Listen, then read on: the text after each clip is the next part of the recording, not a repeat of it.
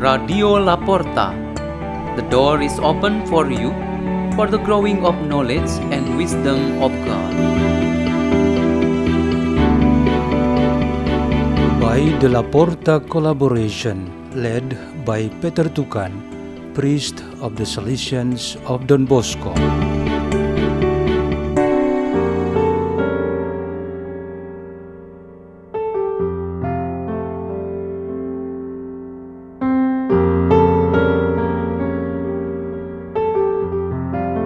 Readings and meditation on the Word of God on Sunday in the Solemnity of the Holy Trinity, May 30, 2021.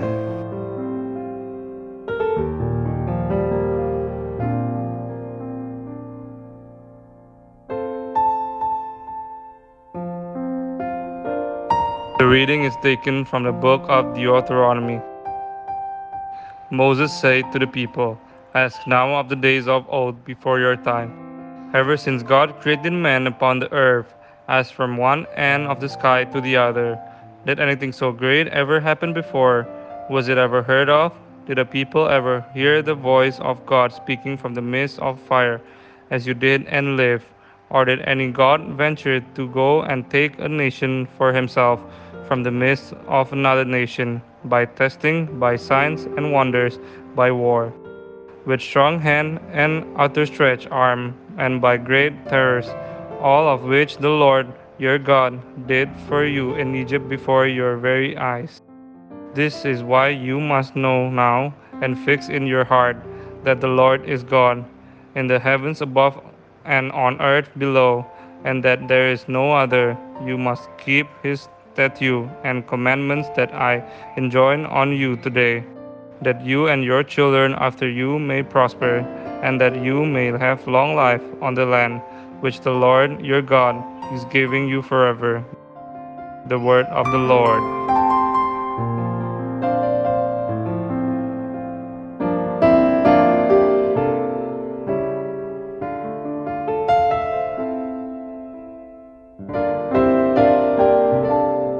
The reading is taken from the letter of St. Paul to the Romans.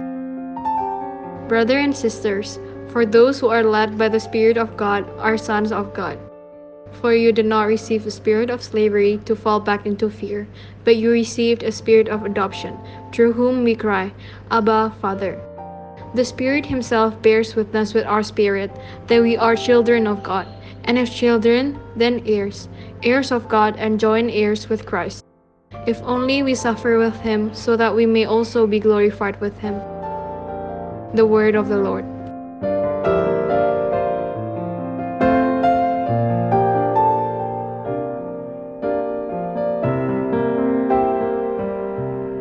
The Gospel of Jesus Christ according to Matthew chapter 28 verse 16 to 20. The eleven disciples went to Galilee to the mountain to which Jesus had ordered them. When they all saw him, they worshipped, but they doubted. Then Jesus approached and said to them, All power in heaven and on earth has been given to me. Go therefore and make disciples of all nations, baptizing them in the name of the Father, and of the Son, and of the Holy Spirit, teaching them to observe all that I have commanded you. And behold, I am with you always until the end of age. The Gospel of the Lord.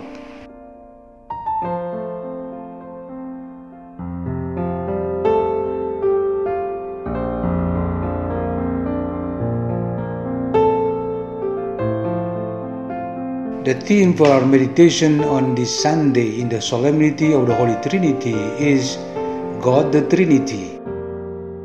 In the fifth grade religion class, the teacher asked his student, What does it mean, the Holy Trinity? The one God in three persons? He was waiting for an answer from them, but after five minutes of waiting and no response, he asked them to take it as homework. The student seemed unable to answer that question. There was a particular student named Sandro. As the class leader for all his friends, giving an instruction that it shouldn't wrote in the assignment book only one answer, which was as the following. We continue asking the meaning of the Holy Trinity, yet we don't have its answer now, and we don't need to know either. The important thing is we can say His name and believe in Him. A common difficulty for all believers is not knowing and not having a satisfied understanding about the Blessed Trinity. We memorize the name Trinity. We say such name in prayers and worships. We celebrate his feast and solemnity. We have been in unity with him from the moment of our baptisms and then strengthened in the sacrament of confirmation. But our knowledge about him is very limited. We will not be satisfied learning about him so the answer would be like what the common answer is that we do not know now, and there is no need to know as perfect as expected. We all do not know exactly how and what the circumstances, cooperation, life in common of the one God and three persons are like. No scripture account or tradition explains so clearly about them. We know what he is like because the Lord Jesus himself spoke and taught in the Gospels. He says that the Holy Trinity is a great mystery of our faith, namely the inseparable communion of the three persons of God. Jesus' task is to reveal the glory of God to us God the Father, God the Son, God the Holy Spirit and to unite all of us with God in one fellowship of love. The fellowship of love in the world is the Holy Church. The final goal which we all believers will attain is to enter into perfect fellowship in the eternal glory of the Holy Trinity.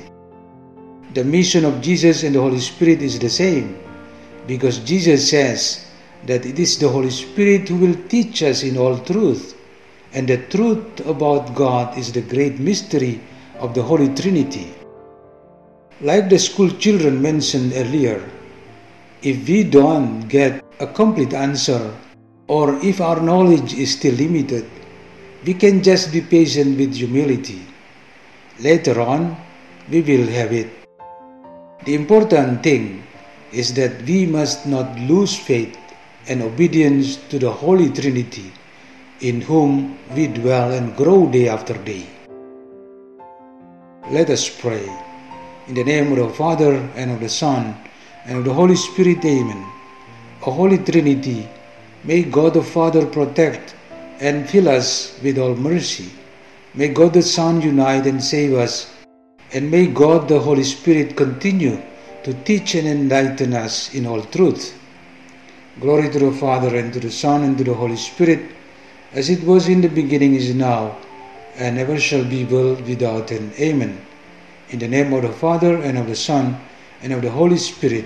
Amen. Radio La Porta. The door is open for you.